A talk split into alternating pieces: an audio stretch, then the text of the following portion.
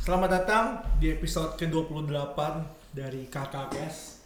Pertama, terima kasih kepada yang sudah mendengarkan episode sebelumnya. Ya. Karena per hari ini gua lihat di Anchor yang mendengarkan Kakak Kes dari episode 1 sampai 27 itu sudah 198 kali. Yeay. Eh, berarti udah podcast gue udah didengar, cerita gue udah didengar 198 kali. Yeay. Gua nggak tahu. Yeay. Gua nggak tahu kenapa kalian mendengarnya. Eh, tapi terima kasih udah denger dengerin. Cuma ya itu kan sebenarnya buat belajar ngomong. Kalau kalian dengerin ya tersiksa di kalian sebenarnya. Yeay. Salah ya. oh iya. Thank you udah dengerin ya, thank you udah dengerin. Nah, eh, hari ini seperti biasa gue host lu Muhammad Awi Karunyado dengan Junar Asuni. Gue lagi, gue lagi. Jun, lebih kuat dong ngomongnya Jun. Ini rada, rada jauh dari mic-nya soalnya. Iya. Ambil di sini. Jangan kan gue gak bisa edit. Oh iya. Audionya dua, gue bingung ntar. Iya. Nah, hari ini spesial kita podcast sambil kita bercerita sambil mengunyah McDonald dan kopi kenangan. Bukan sponsor. Bukan di sponsor, belum di sponsor, belum cukup terkenal. kita. Mungkin suatu saat nanti kita akan di sponsor. Ah, anyway, balik lagi ke cerita kita hari ini. Dan sekarang gue tidak akan bilang podcast gue podcast lagi, tapi gue akan bilang ini cerita. Karena gue kemarin baca artikel di Medium, kalau orang mendengarnya podcast itu terkesan murah dan orang nggak mau bayar. Tapi kalau orang dengarnya cerita atau story atau episode terkesan mahal itu orang mau bayar gitu. Hmm. Ini masalah branding aja Jun. Ntar gue kasih lu linknya. Iya. Nah, hari ini di siang hari ini kita akan ngebahas mengenai tahun 2019. Gue ingin Junar sebagai tamu di, di episode kali ini untuk menceritakan 2019-nya beliau. Ayo Jun, dipersilahkan. Oke. Thank you udah mengundang gue. Eh, di 2019 ya. Maksudnya 2019 apa? Maksudnya kegagalannya, Oke kesuksesannya. oke oke. Jadi pertama kita akan bahas kayak general general dulu. General. Secara general aja dulu, nggak usah spesifik. Apa yang General sudah apa yang sudah gue lakukan gitu ya. Apa yang sudah lo lakuin?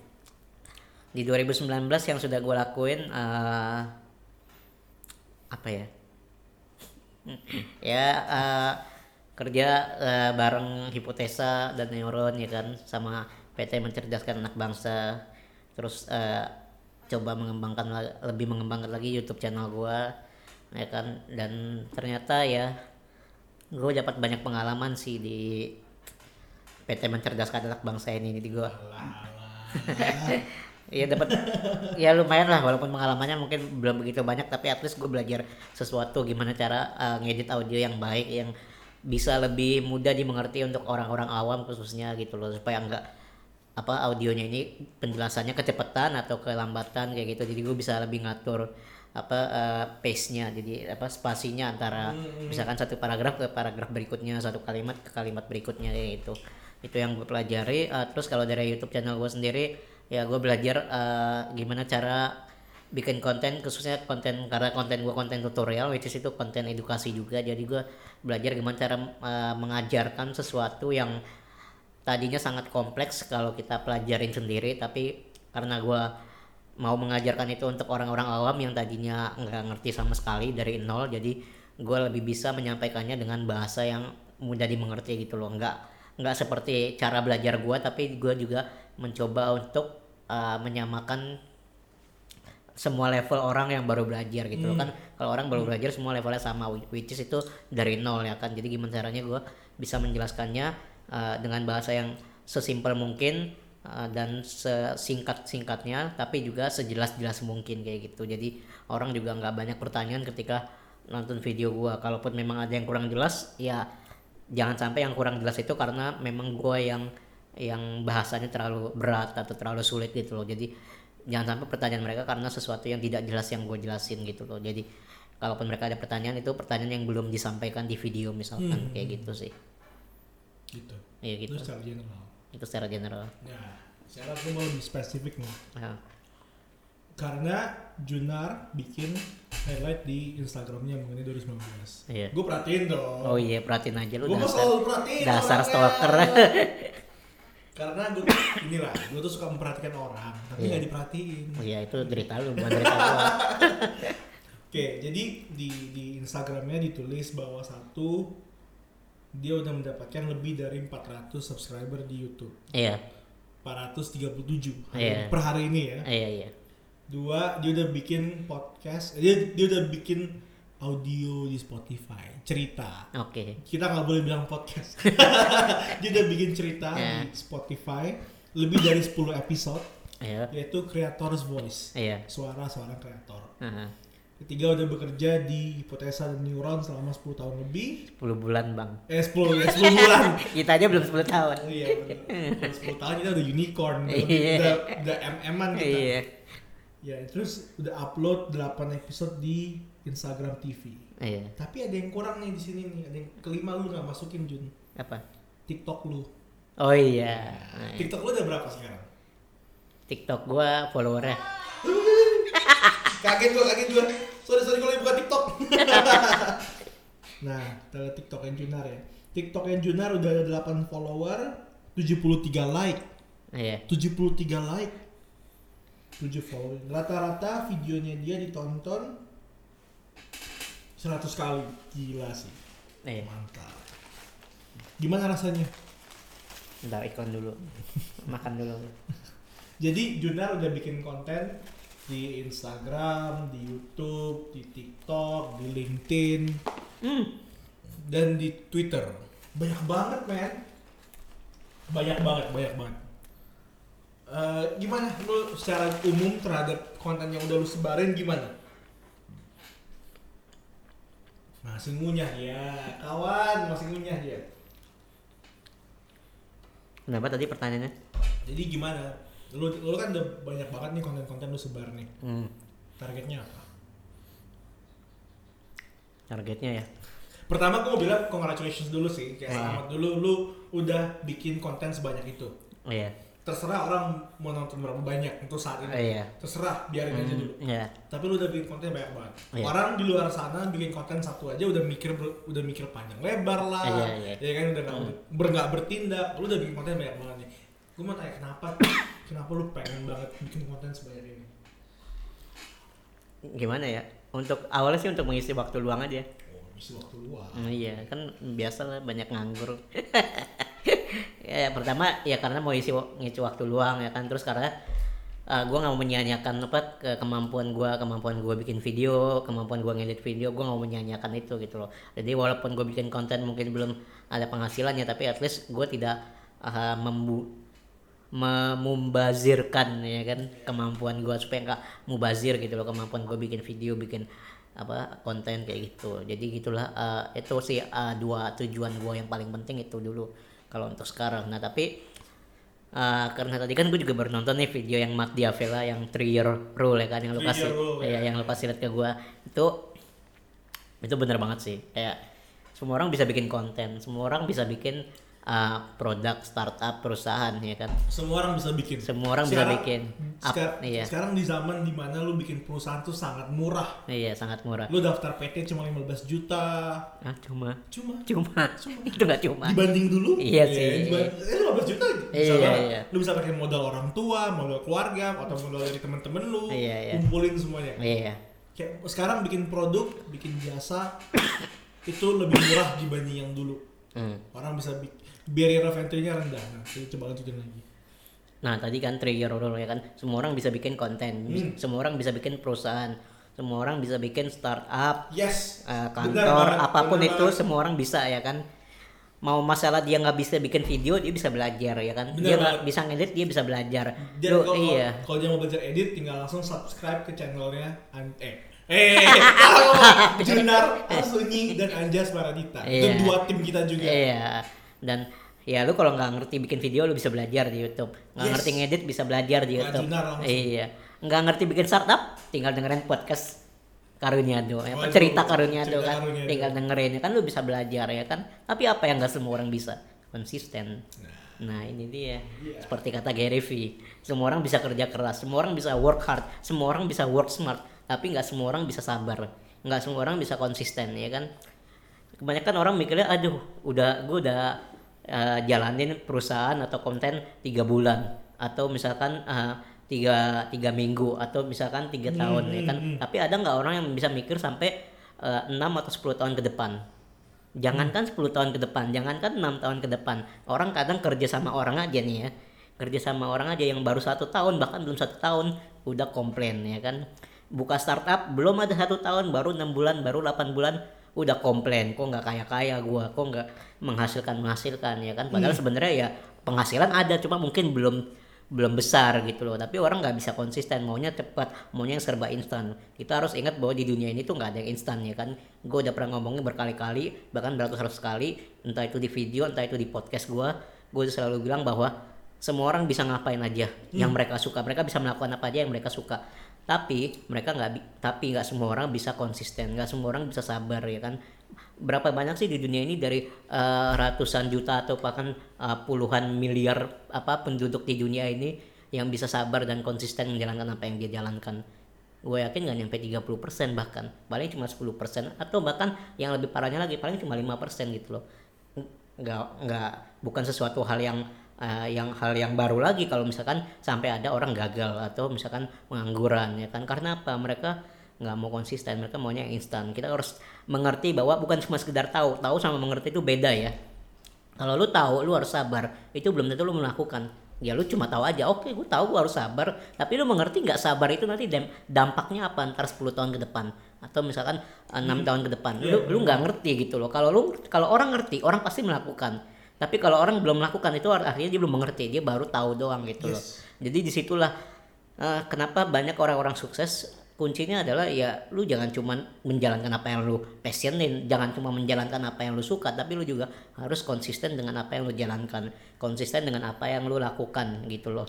Dan juga sabar gitu loh. Orang kalau sabar pasti konsisten sih gitu loh. Kalau gimana caranya supaya sabar dan konsisten ya kan? Iya caranya cuma satu lu harus enjoy the process gitu loh. Kalau lu nggak enjoy prosesnya lu bakal mati di tengah jalan gitu loh. Dan mat kalau lu mati di tengah jalan itu bukan salah siapa-siapa itu salah lu sendiri karena lu yang melakukan gitu loh.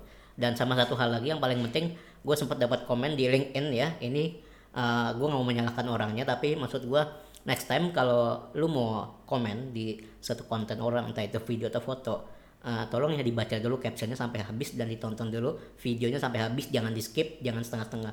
Ada yang komen uh, gue nggak gue nggak bakal uh, jelasin komennya apa tapi intinya adalah uh, orang ini merasa bahwa sabar itu adalah menunggu. Nah ini salah besar. Sabar itu nggak selalu menunggu.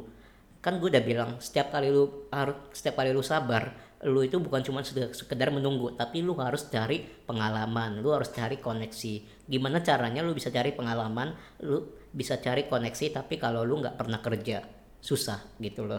Jadi maksud gue adalah sabar yang harus digarisbawahi di sini adalah bukan sabar menunggu tapi sabar menjalankan apa yang lu jalankan. Sabar menikmati prosesnya gitu loh. Jangan cuman uh, oh ya sabar berarti menunggu dong. Terus gue dapat penghasilan dari mana? Ya nggak bakal dapat penghasilan orang lu nggak pernah kerja gitu loh ya kan? jadi maksud gue ya lu sabar itu adalah lu enjoy aja lu cari pengalaman lu enjoy lu cari koneksi lu enjoy lu kerja menjaga hubungan menjaga relasi dengan rekan-rekan kerja lu lu sabar aja gitu loh. Suatu saat nanti kalau memang uh, ibaratnya kerja itu kayak apa ya uh, mencapai kesukses mencapai kesuksesan itu seperti lu nyari jodoh lah kita nggak bakal pernah tahu kapan bakal ada momen kliknya gitu loh. Mohon ahanya. Yang penting adalah lu men- uh, menjalankan semuanya dan lu konsisten enjoy dan sabar. Sabar bukan berarti menunggu tapi juga sabar itu menikmati segala proses yang lu jalanin. Kayak gitu sih. Itu sih yang sering banyak uh, salah paham tentang sabar. Iya benar banget. Gua gua lagi gua linkin lu lagi dari komennya. ntar aja ya ntar gue kasih lihat. Nah, oke dia udah dengar baik-baik. Jadi eh, nggak supaya kita nggak melenceng kita balikin lagi. Cuma sebelum itu sederhana itu tadi eh, sabar itu bukan berarti lu diam. betul Karena kalau lu diam, lu tidak masuk atau lu tidak mengetok pintu keberhasilan. Lu cuma diem aja di Iya. depan pintu itu. Eh, sabar dan diam beda sih Itu salah banget. beda jauh Yang benar adalah lu tetap lakuin apa yang harus lu lakuin Iya. sambil menunggu hasilnya bakal datang. Dan Betul. hasilnya itu akan datang. akan datang Cuma bisa aja lama. Gitu. iya Karena kalau kita balik lagi yang diucapin sama si Junar mengenai Gary V, kalau kalian tahu latar belakangnya Gary V, Gary V itu bikin video pertama 13 tahun yang lalu. Mm. itu berarti 2006 iya itu buat orang zaman sekarang itu lama banget dia baru terkenal 10 tahun kemudian iya ya kan Iya. seribu video dia yang pertama jelek banget. Parah. Audionya nggak sync iya. mukanya nggak jelas iya. merek wine yang dia tunjukin ke kamera Nah, juga nggak bener. Juga nggak bener. tapi tetap lakuin dia dia tetap lakuin wine library sampai episode 1001 atau 1002 iya. Tetap lakuin. Nah itu intinya itu sabar. Nah Hmm. itu yang dilakuin sama sekarang. Jadi dia banyak banget nyebarin konten. Udah setahun ya Jun ya? Iya. Udah setahun lu nyebarin tapi Ah. sekarang lu baru mulai aktif lagi di LinkedIn Nah, dan Twitter dan TikTok kan? Iya karena dulu lu cuma di Instagram dan YouTube kan? Iya YouTube. Ya kayak misalkan kayak yang uh, contoh paling simpel lah dalam kehidupan sehari-hari misalkan lu lihat ada korban gitu kan. Eh, nggak usah korban ya misalkan lu uh, lu yang sebagai korban nih korban bullying misalkan. Uh, lu di lu dihina lu direndah-rendahkan ya kan pasti uh, orang rata-rata bilangnya ya jangan peduli apa kata orang ya kan? Ya benar jangan peduli dengan apa kata orang gitu loh. Tapi kalau misalkan lu sampai benar-benar dilecehkan misalnya secara fisik atau secara seksual gitu loh lu harus melapor gitu loh jangan diem aja gitu loh. Sabar adalah oke lu sabar lu tidak membalas perlakuan mereka tapi lu juga harus bergerak untuk melapor uh, lu sebagai korban gitu loh. Iya, apa yang sudah benar, dilakukan benar, benar. sama si pelaku itu ke diri lu gitu loh. Itu artinya sabar gitu. Jadi sabar bukan cuma sekedar diam diam untuk tidak membalas perlakuan mereka tapi bergerak untuk uh, melaporkan apa yang sudah mereka lakukan ke diri lu gitu loh. Itu namanya sabar. Jadi ada momen diamnya ada momen bergeraknya gitu loh. Dan ketika mereka bersatu diam dan bergerak itu itulah yang namanya sabar gitu loh. Bukan cuma sekedar diam 100% gitu loh. Diam setiap saat juga nggak akan menghasilkan pengaruh yang baik buat diri lu atau buat orang lain gitu. Ya nah jadi balik lagi ke tahun 2019 iya. Karena tadi cukup melenceng ya. Iya. biar gue tutup lagi nih gue jahit lagi nih. Iya. Nah, jadi 2019 ini Junar juga punya target satu, dia pengen YouTube-nya 1000 subscriber, hmm. ya kan? Dia gagal konsisten di podcast dia yang kreator, di cerita dia yang creator's voice yang di Spotify, audionya dia. Dia gagal untuk connect and engage dengan follower dan audiensnya dia. Dia juga gagal untuk lebih konsisten di Instagram dan dia masih belum terbiasa untuk ngomong di depan kamera. Jadi gini, kita kita perhatiin baik-baik ya. Eh, pada saat kita bikin target di setiap tahun, target secara angka itu jauh lebih mudah ketimbang target yang nggak ada angkanya. Misalnya, Junar ingin mendapatkan 1000 subscriber di YouTube. Sekarang dia baru 437. Berarti dia udah ngedapetin 43,7 persen. Gampang banget, udah kelihatan dari angkanya gitu loh. Ya kan? Hmm. Tapi kalau kita ngebahas apa yang dibilang yang target terakhirnya Junar adalah gue ingin terbiasa ngomong di depan kamera. itu abstrak banget Itu target yang nggak ada angkanya gitu. Iya. Dan itu sangat susah untuk dicapai. Hmm. Tapi sebelum kita bahas itu, lu terhadap pencapaian lu di tahun 2019 bagaimana? Perasaan lu apa yang lu pelajari ya dari tahun ini? Ah, di tahun ini yang gue pelajari ya paling apa ya ngomong di depan kamera tuh terutama kalau lu sendiri ya bro itu awkwardnya minta Oh ampun iya, iya, jelas, jelas banget, men. itu, Jelas itu banget, jelas awkwardnya parahnya bukan main Makanya makanya gue bikin pot, gue bikin cerita-cerita yang direkam Iya, ini. iya. Karena gue yang belajar ngomong depan kamera, Iya. itu susah banget, Susah beda banget, banget. iya. Bahkan si Kim presenter hipotesa aja Ah. kaku loh ngomong Iya, kamera. kaku, Iya iya. kan? Iya. It's very different makanya Iya. benar banget terus dan gak heran sih kalau misalkan eh, banyak orang mau bikin konten tapi nggak jadi bikin konten karena takut dijudge sama orang lain karena gue merasakan kalau misalkan waktu gue eh, rekam di depan kamera itu ngomong di depan kamera itu eh, banyak orang gue membayangkan banyak orang yang misalkan 400 400 subscriber itu nontonin gue gitu loh. Itu berasa banget awkwardnya berasa banget. Maksudnya fear-nya tuh berasa banget. Yes, yes, rasa benar, takutnya benar, tuh benar, berasa banget. Kayak eh, kalau gue ngomong di depan kamera yang gue bayangin adalah gimana kalau seandainya gila tuh nggak jelas banget atau mungkin kalau ngomong kalau mereka cuma ngomong sekedar nggak lu nggak jelas banget itu mungkin masih penting. Tapi yang paling parah adalah ketika lu ngomong di depan kamera yang lu bayangin adalah orang-orang ngetawain lu gitu loh. Ya kan? Apalagi kalau misalkan lu udah tahu lu ada mungkin belum ribuan subscriber tapi baru ratusan aja lu bisa ngebayangin memang 400 orang di depan lu nontonin lu dan pas lu ngomong di depan kamera mereka semua 400 orang itu ngetawain lu. Itu super super super super scary gitu loh. Jadi maksud gua ngomong di depan kamera itu bener-bener beda banget sama lu ngomong eh, sama teman lu gitu loh. Jadi itu it takes time gitu loh. Maksud maksud gue gue selama satu tahun ngomong di depan kamera itu gue merasa gue belum tahu apa apa sih soal teknik ngomong depan kamera itu. iya kayak bener-bener gue mungkin ntar tahun 2020 gue mulai ngomong depan kamera lagi itu kayak sama aja kayak baru belajar sih. Karena sebenarnya gue mulai bikin YouTube itu kan tahun 2018 kan. 2018 sekitar bulan Mei kalau nggak salah. Mei. Nah, April atau Mei anggaplah Mei ya kan Mei berarti itu udah udah mau dua tahun kan? Nah itu pas gua Iya iya iya, hampir mau hampir dua tahun. hampir mau dua tahun. satu satu setengah tahun lah ya kan? Dan itu pas gua awal ngomong depan kamera video pertama gue tuh sampah banget gitu loh dan pas gua ngomong depan kamera tuh kaku bener-bener kaku banget kayak kayak robot lah ibaratnya gitu loh. Jadi uh, gue belajar banyak sih. Kayak terkadang lu merasa bahwa kerja setahun atau satu setengah tahun atau bahkan dua tahun lu merasa lu udah punya banyak pengalaman. Padahal sebenarnya uh, menurut gua kalau lu baru kerja satu tahun dua tahun itu tuh kayak baru mulai gitu loh. Jadi uh, gue cuma mau bilang sih buat uh, teman-teman yang dengerin podcast ini atau yang nonton video podcast ini uh, gue cuma mau bilang uh, kalau lu udah punya pengalaman uh, apa pun pengalaman kalian itu mau pengalaman kerja pengalaman kuliah sekolah dan segala macam setahun dua tahun tiga tahun bahkan empat tahun gue yakin kalau menurut gue ya itu pengalaman lu masih jauh dari kata cukup gitu loh. Apalagi lebih cukup aja belum gitu loh masih jauh banget. Jadi maksud gue terus belajar terus latihan. Yang penting uh, adalah kalau memang lu merasa gagal ya masih ada hari esok gitu loh kan. Apalagi lu masih muda nggak usah mikirin uh, kapan kiamat atau kapan lu bakal berakhir hidupnya tapi Di terus terus kiamat semua udah nggak perlu pikirin itu biarin aja. iya.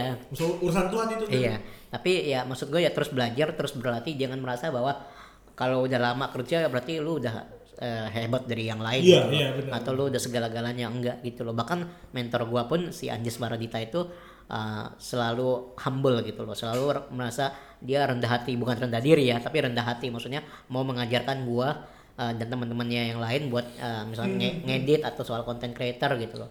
Masih mau ngajarin gitu loh. Walaupun mungkin dia uh, udah lumayan sukses misalkan ya kan dalam tanda kutip sukses tapi maksud gua dia tetap humble tetap mau ngajarin yang lain. Karena dia sendiri pun tetap mau belajar gitu loh. Gue pun se- sebenarnya masih butuh banget yang namanya belajar soal pervideoan ini per content sampai, creator sampai ini. mati pun kita iya. harus belajar. sampai mati pun kita harus belajar ya kan? Yang maksud gue yang mau gue garis bawahi di sini jangan merasa sombong lah ya. Maksudnya pengalaman itu mau berapa tahun pun uh, menurut gue sih nggak akan ada gunanya kalau lo sombong gitu. Loh nggak akan ada gunanya. Mau lu udah 10 tahun udah 40 tahun kerja nggak akan ada gunanya kalau cuma buat pamer doang gitu loh itu sih paling yang gue pelajarin itu tetap harus belajar Nah, eh, ini ini intermezzo dikit. Lu tahu Najwa Shihab kan? tahu Tahu.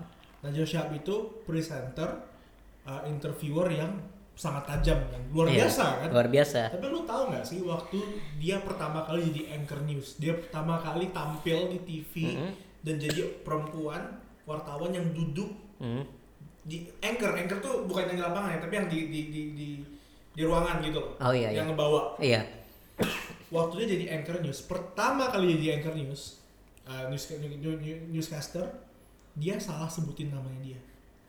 Jadi dia saking gugupnya, Heeh. dia baca yang di teleprompter tau kan Iya. teleprompter tuh layar yang apa yang harus lu ucapin Iya. di pokoknya apa yang tampil situ harus lu ucapin gitu loh. lu ikutin aja sih kayak ibaratnya skrip digital lah ya sering digital jadi Nah. sembari udah dibikin sama si produsernya apa segala macem Hah? lu tinggal baca aja sih itu Iya. karena kan lu harus strict dan harus jelas kan iya waktu itu dia yang bikin teleprompternya Hah? masih belum diedit namanya Heeh. jadi masih nama si newscaster sebelumnya bukan Ah. Najwa Shihab. Ah. Jadi waktu itu Najwa Shihab bilang selamat siang saya lalalala itu bukan nama Najwa Shihab Iya. dan dia nggak sadar. Iya. Saking dia gugupnya sampai di akhir baru dia sadar loh tadi gue nggak sebutin nama gue, gue sebutin nama news anchor sebelumnya gitu. Jadi emang it takes time buat belajar menjadi orang yang terampil, Iya, ya kan? iya. Jadi orang selevel Najwa Shihab aja pertama kali salah sebutin nama. Gitu iya iya apalagi kita kan karena Iya. kita nggak nggak mendapatkan pen- pendidikan kayak dia kita kayak Iya. brutal banget bikin Iya. konten ya kan Iya. beli peralatan bikin konten gitu loh Iya.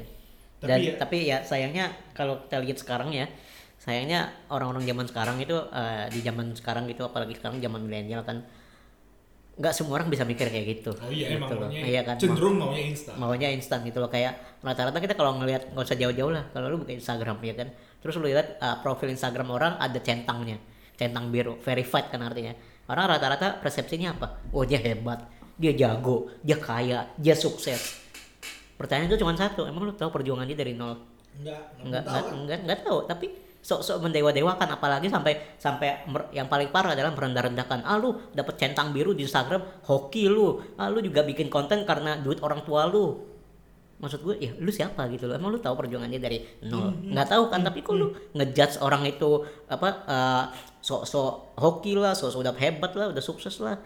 Lah mereka semua orang mulai dari nol gitu loh. Kalau lu nggak ngerti perjuangan seseorang itu dari nol seperti apa ya lu menurut gua tutup mulut aja gitu loh nggak usah banyak nggak usah banyak bacot gitu loh. Maksud gua ya kita harus menghargai lah perjuangan seseorang dari nol sampai sampai sekarang itu itu bukan perjalanan yang mudah dan yang yang pendek bukan gitu loh. Jadi eh, harus mengerti bahwa semua semua orang itu butuh proses. Segala sesuatu butuh proses dan sekali lagi ya lu harus sabar jangan ngejudge orang dari yang sekarang doang gitu loh. Tapi kalau lu memang bener-bener mau tahu perjalanan dia gimana ya lu berinteraksi sama mereka gitu loh. Oke. Nah balik lagi nih, biar gue jahit lagi nih biar nggak- biar nggak nyebar. Em, ini kan udah udah, udah tutup nih 2019 ini udah empat hari lagi udah mau tahun baru, empat lima hari udah mau tahun baru. iya Target tahun depan apa? bentar ya Gila, lapar gua Udah makan tadi katanya? apa lagi ngeliat McD lapar mata anjing Sama. ya udah lama banget Gue foto dulu deh, kopi kenangan. Karena apa namanya?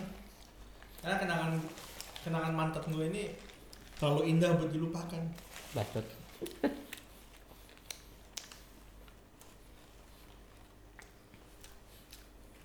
Ini gue gak bakal edit loh ini. Jadi kayak kalau misalnya kalian mau skip bagian ini, ya udah skip aja dipercepat aja ya. Karena gue gak bakal edit. Ingat, kakak Kes itu selalu raw. ntar kita bikin yang J J J kakak juga Jadi kan, ya udah pokoknya makan dulu abis itu gue pengen nanya tahun depan lu targetnya apa? hmm. Tahun depan lu targetnya apa? anjing Yuk. Ayo banyak anjing. Oke, tahun depan targetnya apa? Sabar. Telan dulu anjing. Sorry ya pendengar. Penonton. Aduh. Yang mau sih lu. udah udah ngunyah. Entang, disuruh minum hojicha lagi. Logita kenangan. Oke, tahun depan targetnya apa? Tahun 2020 targetnya apa? Target apa nih? Secara angka apa yang abstrak nih? Angka dulu dong. Angka dulu. Angka tuh lebih gampang dibahas. Iya benar-benar.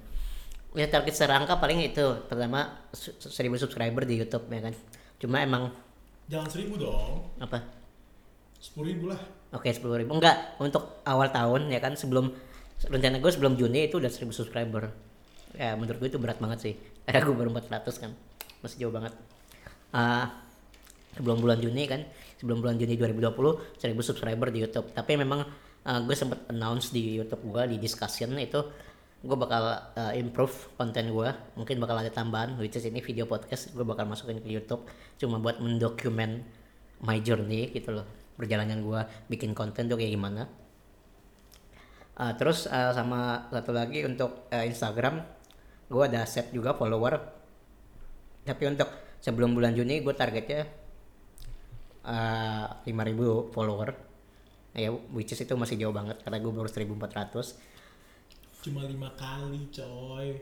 Hah? Bisa lah. sebelum bulan Juni loh Bisa. sebelum bulan Juni 5000 follower itu masih jauh itu ah, terus kalau kalau di di yang lain sih gue nggak nggak targetin angka sih TikTok gue nggak targetin karena TikTok itu kayak gue buat have fun aja terus kalau LinkedIn itu ah, LinkedIn sekarang connection gue baru ham- hampir mau 700 ya kan gue targetin sebelum bulan Juni itu 5000 juga.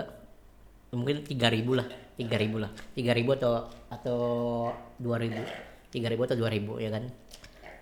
Ah, terus se- setelah itu sih ya paling sisanya tujuan-tujuan yang mungkin abstrak aja sih yang secara angka sih udah udah nggak ada.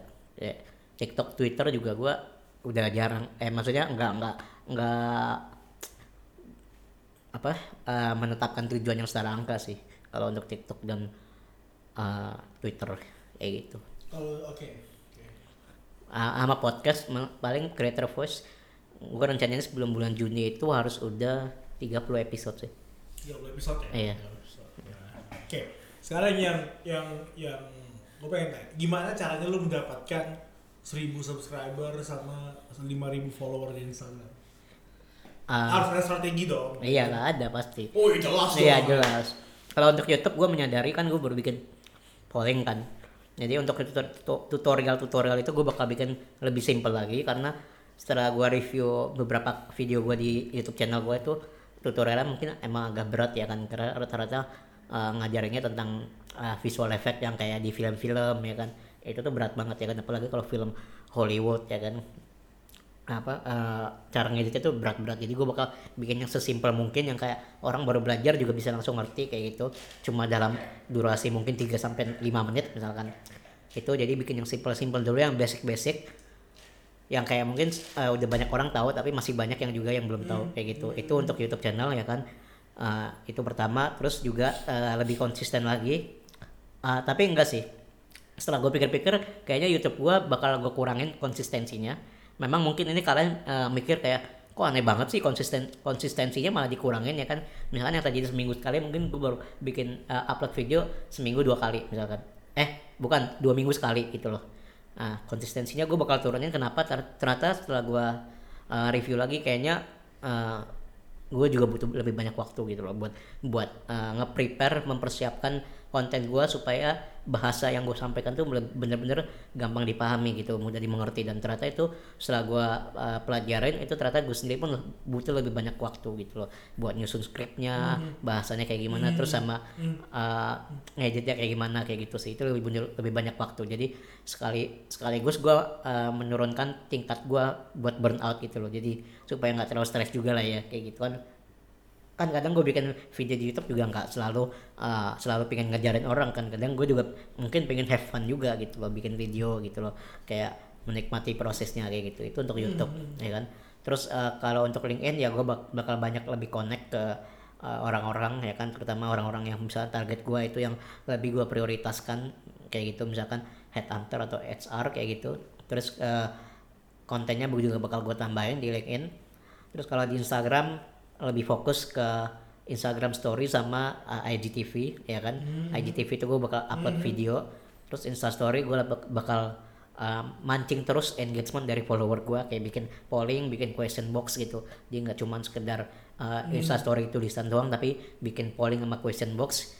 Itu buat tingkatin engagement. Terus uh, sama IGTV lebih konsisten sih kayak gitu Hmm. Terus juga sama satu hal lagi yang perlu gue perhatiin adalah kalau Instagram itu mungkin uh, jadwal uploadnya gitu loh. Kadang katanya ada jam prime hour gitu kan. Jam 6 ya jam 6 sore kan prime hour misalkan. Yang paling banyak orang buka media sosial jam 6 sore sama jam 12 siang itu gue bakal upload di situ sih.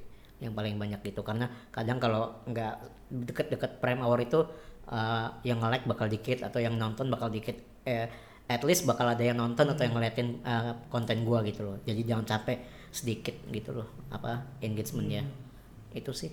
Tapi ya ini ini waktu ngebangun ini momen pertama eh, mental lu diuji sih. Karena waktu kita bareng waktu lu lu lu lihat sendiri kan waktu kita bareng-bareng ngebangun hipotesa dan neuron 10.000 subscriber pertama, Nah, oh susahnya minta ampun, iya, Iya kan? susah banget. ya kan?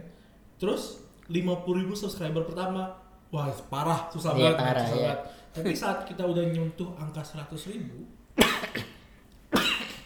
100.000 subscriber, Iya. itu per hari kita bisa ngedapetin 100 sampai 1000 subscriber. Iya, lagi cepet banget kan. Ini cepet banget. Iya. Dan dan kalau kita lihat dari proyeksinya dalam waktu tiga tahun itu udah mencapai satu juta subscriber kalau kalau rasio pertumbuhannya sama ya Iya. sama seperti sekarang. Em, jadi John siap-siap karena lu bakal ini bagian yang paling susah nih waktu bangun pertama kali itu paling susah Iya. ya kan Iya. lu kecuali LinkedIn ya LinkedIn Iya. tuh buat, buat bikin connection sama follower itu cenderung lebih mudah, Mudah. ketimbang yang lain kan? Iya. Cuma kalau buat Instagram sama YouTube itu susah banget Jun. Iya. Ya kan? Em, Oke, terus yang bagian Tapi sayangnya kalau LinkedIn itu sebenarnya kalau menurut gue LinkedIn itu hampir sama kayak TikTok sih. Karena gampang dapat follower ya. TikTok kan sekarang cepet kan. Dan ternyata LinkedIn juga kalau lo connect asal diterima nambah kan follower Iya, lo kan. nambah. Tapi sayangnya nggak semua orang menyadari itu gitu loh.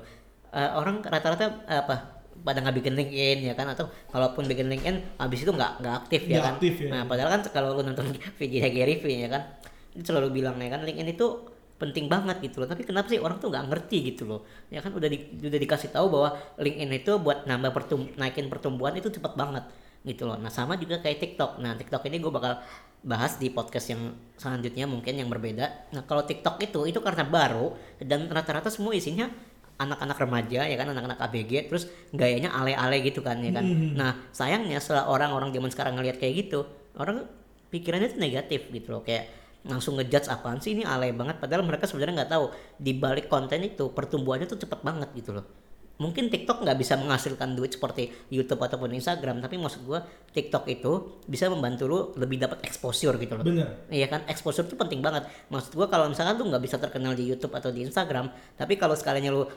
posting di TikTok dan itu konsisten, kuanti apa jumlahnya itu banyak, itu pasti pertumbuhannya cepet banget. Kalau pertumbuhannya cepet banget, berarti lu lu kan semakin cepat terkenal gitu loh. Kalau lu semakin cepat dikenal banyak orang kan berarti nanti mungkin sosial media yang lain bakal ngikutin gitu Bener, loh. bener Instagram, YouTube kayak gitu. Tapi orang nggak menyadari itu gitu loh. Karena mereka selalu pikirannya negatif lah, takut dijudge orang lah. Ya kalau kalau lu udah tahu di TikTok itu rata-rata kontennya alay, ya lu jangan ikutan alay. Iya kan? Bener kan? Iya. Iya terus lu ngapain kalau kalau kalau daripada lu ngatain orang lu buka TikTok cuma buat ngata-ngatain orang apaan sih ini anak alay mending lu bikin konten. Mm-mm. Ya kan? Daripada lu ngata-ngatain orang mending lu tutup mulut, lu bikin konten yang jauh lebih bagus daripada mereka-mereka yang alay gitu loh. Daripada lu ngejudge orang lu sendiri tuh belum punya konten gitu loh. Lu tuh sendiri tuh nggak punya apa-apa di TikTok Bener, tapi lu ngejudge orang alay. Kalau lu, lu memang nggak bukan orang yang alay, ya lu buktikan lu bikin konten gitu loh. Daripada lu ngata-ngatain orang mending lu tutup mulut lu bikin konten. Gitu. Sayangnya orang nggak bisa mikir kayak gitu. Nah, Gitu loh. Nah, ini yang, yang LinkedIn tuh bener banget. Gua konsisten dalam waktu eh, berapa bulan aja. Connection gua udah lebih dari 5000 Iya. followernya udah lebih dari 4.800 atau berapa gitu loh. Iya. Uh, dan itu emang benar apa yang dicapai nama Junar. Emang strategi itu seperti itu. Hmm. Lu tinggal pilih mau TikTok, LinkedIn, Facebook, Twitter, Instagram, YouTube atau apa pun itu sosial medianya. Hmm. Lu dikenal di satu tempat aja. Iya. Ntar orang bakal nyari lu di tempat yang lain. gitu Iya. loh. Dan untuk kita yang yang pengen lebih cepat lagi dan kompetisinya lebih rendah. Hmm. Karena kalau di YouTube dan Instagram itu kompetisinya mantap banget, men. Hmm. Udah udah banyak banget konten kreator yang luar biasa bagus di situ. Iya.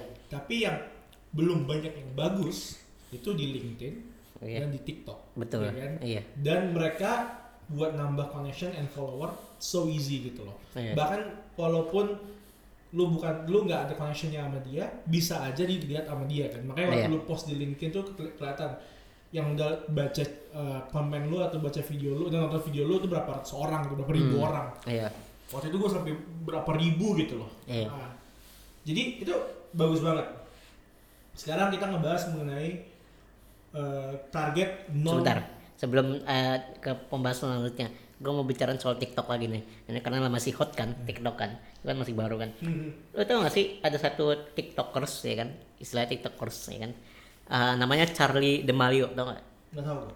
Nggak tahu. eh, aja. harus harus cari nih. Nah dia tuh terkenal banget parah. Itu sempat di interviewin Gary Vee. Coba cari Charlie nggak pakai e ya, Charlie biasa. Damelio. Iya. Nah coba buka deh, baca bio-nya apa? Follow me Snapchat. Bukan, bukan. Coba. Bukan, bukan, bukan ini. Aduh. Nggak biasa pakai Android.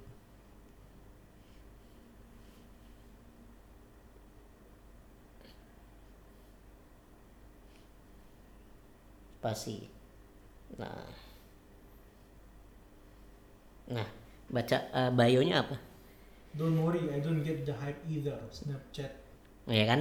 Iya. Don't worry, I don't get the hype either. Artinya artinya dia nggak ngikutin apa yang hype sekarang kayak ya, kal- karena dia dancer, dia kan apa dancer kan dia suka ngedance. Ya udah dia ngedance aja di, di TikTok ya kan. Itu pas dia awal bikin TikTok itu dia 14 tahun dan sekarang umur dia 15 tahun. Dan dalam waktu satu tahun dia udah segitu, ya kan? Itu sebelum satu tahun sih sebenarnya. Sekarang dia umurnya baru mencapai 15 tahun itu sempat di interview sama Gary Vee kan. Eh, si Charlie ini bilang bahwa emang gua awalnya itu emang punya passion di bidang dance gitu loh. Jadi kayak uh, awal-awal dia bikin de- bikin dance di TikTok itu udah mulai mulai terkenal tapi mereka eh tapi dia masih malu buat ngasih tahu ke orang ya kan. Tapi ternyata sekarang dia menyadari bahwa uh, sebenarnya nggak ada salahnya lu kalau punya TikTok lu share ke orang-orang nggak masalah karena sebenarnya TikTok itu pertumbuhannya cepat banget gitu loh. Jadi ya di situlah gue mau garis bawahi bahwa si Charlie ini emang walaupun dia baru umur 15 tahun tapi dia udah terkenal banget di TikTok gitu loh. Itu bukan karena dia yang jago ngedance atau jago joget bukan tapi memang dia percaya bahwa TikTok itu pertumbuhannya cepat gitu loh. Dan dia juga bikin suka bikin video suka ngedance gitu kan. Jadi ya itulah akhirnya yang tadinya bukan siapa-siapa cuma bocah umur 15 tahun atau bocah umur 14 tahun tapi bisa naik bisa terkenalnya cepet banget. Karena dia tahu ada satu potensi yang tinggi di satu sosial media yaitu TikTok kayak gitu Bener sih, bener banget sih. Iya. Gila ini gila. harus nonton sih interviewnya dia sama Gary Vee Gue baru tau. Gila. Jerry V itu emang jago banget buat cari talent gitu. iya Nah, oke balik lagi ke target tahun depan lu yang yang yang non angka, non binari apa itu? paling itu ah melatih eh, gua buat ngomong di depan kamera supaya lebih lebih comfortable aja lebih lebih nyaman lebih nggak kaku lah gitu loh. Jadi ibaratnya bener-bener kayak kayak ngomong sama orang biasa lebih bisa connect ke audience kayak gitu. Terus eh, ningkatin engagement di Instagram dan di follow di YouTube kayak gitu. Follower follower gua subscriber gua audience gua lebih banyak berinteraksi aja sih. Kayak lu butuhnya apa sih sini? Kalau kalau lu butuh sesuatu lu ngomong ntar gua kasih. Ya gua kasih tahu gue jelasin gitu. Terus kalau misalnya lu punya kesulitan dalam hal ngedit video atau bikin konten kalau gue bisa bantu lu datang ke gua gua kasih tahu gimana cara caranya sesuai dengan eh, ilmu dan pengalaman gua kayak gitu walaupun gua belum banyak juga tapi maksudnya kita di sini sama-sama belajar gitu loh. Jadi kalau lu belum punya pengalaman pun ya nggak apa-apa. Gue juga di sini masih proses mencari pengalaman gitu. Jadi kita sama-sama belajar, sama-sama uh, tahu lah yang tadinya kita nggak tahu kita jadi tahu juga bareng-bareng gitu. Dan uh, untuk ke depannya memang gue rencananya uh, bakal buka uh, Q&A. Tapi Q&A ini mungkin bakal beda dengan yang apa influencer-influencer yang lain. Gue rencananya Q&A itu bakal kayak Gary Vee sih. Ini kan yang kayak lu kirim video lu uh, ya, lu bikin video atau bikin audio lu kirim kirim lewat DM atau lewat apa lewat sosial media mana nanti gue bakal balas lewat video itu rencana gue nanti di tahun depan tapi belum kapannya belum tahu mungkin nanti tunggu engagementnya banyak kayak gitu bikin kayak gitu supaya bisa lebih connect ke audience ke follower uh, sama ya paling itu sih ah uh, lebih connect sama ngomong di depan kamera sih lebih nyaman aja gitu Ini bagian penutup nih gue mau nanya. Lu berapa tahun siap ngelakuin ini? Karena kan target lu pastinya Hah? dari, dari mata gua sih. iya Lu lu pengen subscriber uh, YouTube lu satu juta, Iya. lu pengen follower Instagram lu naik, Iya. lu pengen dikenal, ya kan? iya Dikenal bukan karena hal yang buruk, tapi karena lu bikin konten banyak dan lu Iya. pengen banyak opportunity kan. Makin Iya. dikenal, iya makin banyak tawaran yang masuk, makin banyak pekerjaan, makin banyak project, hidup lu makin berwarna gitu. iya Tapi untuk mencapai level itu, lu butuh pengorbanan berapa banyak tahun yang bakal lu bakar gitu kan. Kasarnya gitu. Ah. Lu berapa berapa lama lu siap buat ngebakar itu? Itu jujur aja sih gue bakal jawab nggak tahu. Karena gini loh kalau lu ngomong ah, bikin konten atau bikin startup perusahaan atau apa pun itu yang lo, lo mau bikin gitu loh. Sebenarnya yang jadi pertimbangan itu kan bukan cuman ah, berapa banyak budget yang lu masih punya ya kan? Kadang orang punya banyak duit aja tapi kalau mentalnya udah hancur ya berhenti ya kan? Iya, benar, benar. iya kan? Jadi sebenarnya nggak cuma sekedar duit doang gitu loh. Banyak orang yang sebenarnya punya duit banyak masih bisa bikin konten banyak karena peralatan mereka masih canggih dan masih bagus tapi berhenti. Karena mentalnya nggak kuat ya kan? Kayak kok nggak nambah-nambah ya kan? Kok nggak tumbuh-tumbuh segini-segini aja. Akhirnya apa? Mereka berhenti kan? Nah gue sih punya ketakutan seperti itu juga gitu loh. Tapi eh, ketakutan gue bukan eh, based on financial gitu. Bukan bukan berdasarkan finansial tapi ketakutan gue tuh berdasar, berdasarkan mental gitu loh. Karena gue lebih takut gue nggak siap secara mental dibanding gue nggak siap secara finansial gitu loh. Karena jujur aja sekarang aja gue udah sebenarnya agak stres sih ngejalaninnya. Karena kan pertumbuhannya ternyata lebih lambat daripada yang gue bayangkan gitu loh. Tapi ya maksud gue uh, gue tetap mencoba terus mengingatkan diri gue sendiri bahwa gue tuh baru satu tahun gitu loh. Dan satu tahun satu tahun atau satu tahun setengah dan gue harus terus berusaha untuk sabar dan enjoy the process gitu loh. Jadi ya ketakutan gue uh, kalau misalkan lu tanya berapa ba- uh, berapa lama lu bakal uh, ngejalanin ini rela buat ngejalanin ini gue bakal jawab ya nggak tahu sih. Tergantung seberapa lamanya mental gue bakal bertahan gitu loh. Jadi bukan finansial gue yang gue khawatirin tapi mental gue sih. Karena bikin konten atau bikin apa pun itu konsistensi itu berdasarkan bukan cuma berdasarkan finansial tapi berdasarkan mental gitu loh. Lu stres apa enggak? Dan kalau misalnya lu stres gimana cara lu mengatasinya? Kayak gitu sih. Itu yang gue takutin cara mengatasi stres itu bisa dihadapin apa enggak gitu Tapi kira-kira Hah? lu bakal ngeliat seenggaknya ya, Ah. seenggaknya lu udah di level 100 ribu subscriber sama jadi pertama di milestone Ya. 100 ribu subscriber, puluhan ribu follower Instagram tuh kira-kira lu akan jadi lu kapan? paling telat eh, pertengahan 2021 paling telat pertengahan 2021 Sangat optimistis ya. hah iya masih jauh sih Itu sebentar banget kan. iya sih itu sebentar banget iya mungkin gua nggak tahu sih mungkin Juni atau Juli atau Agustus gitu Karena 2021. average, average di seluruh dunia itu dari data yang gue baca ya, Hah? lu butuh waktu lima tahun untuk mencapai satu juta subscriber gitu. Lu butuh waktu lima tahun. enggak itu maksudnya minimal 100 ribu Ya gitu minimal, ya. ya minimal 100 ribu subscriber terus uh, follower Instagram minimal ya 10 ribu atau 9 ribu lah mendekati nggak apa-apa at least uh, kalau YouTube mungkin lebih susah ya paling at least 70 ribu sih. Harus sudah 70 ribu itu paling telat. Karena- Karena itu 2021 emang berat banget loh itu. iya itu itu berat banget. Tapi dan oh, 2021 tuh mas itu deket banget sih dari Deket- sekarang. deket deket banget. Tapi ya sangat sangat sangat bisa dicapai. Iya. Karena saat hipotesanya orang 500 ribu ya udah. Iya. nyebar itu pasti. Tapi ya Iya. itulah. Maksudnya maksudnya kita ada backing cukup kuat sih. Iya Oke, eh, thank you udah cerita, Oke. cerita- menceritakan tentang 2019 lu, udah berbagi. Thank you udah dengerin juga kakak Keski episode 28. Sampai jumpa di tahun baru. Nggak bercanda, mungkin gue bakal bikin podcast lagi. Merry Christmas and Happy New Year Merry Christmas, Happy New Year. Bye-bye.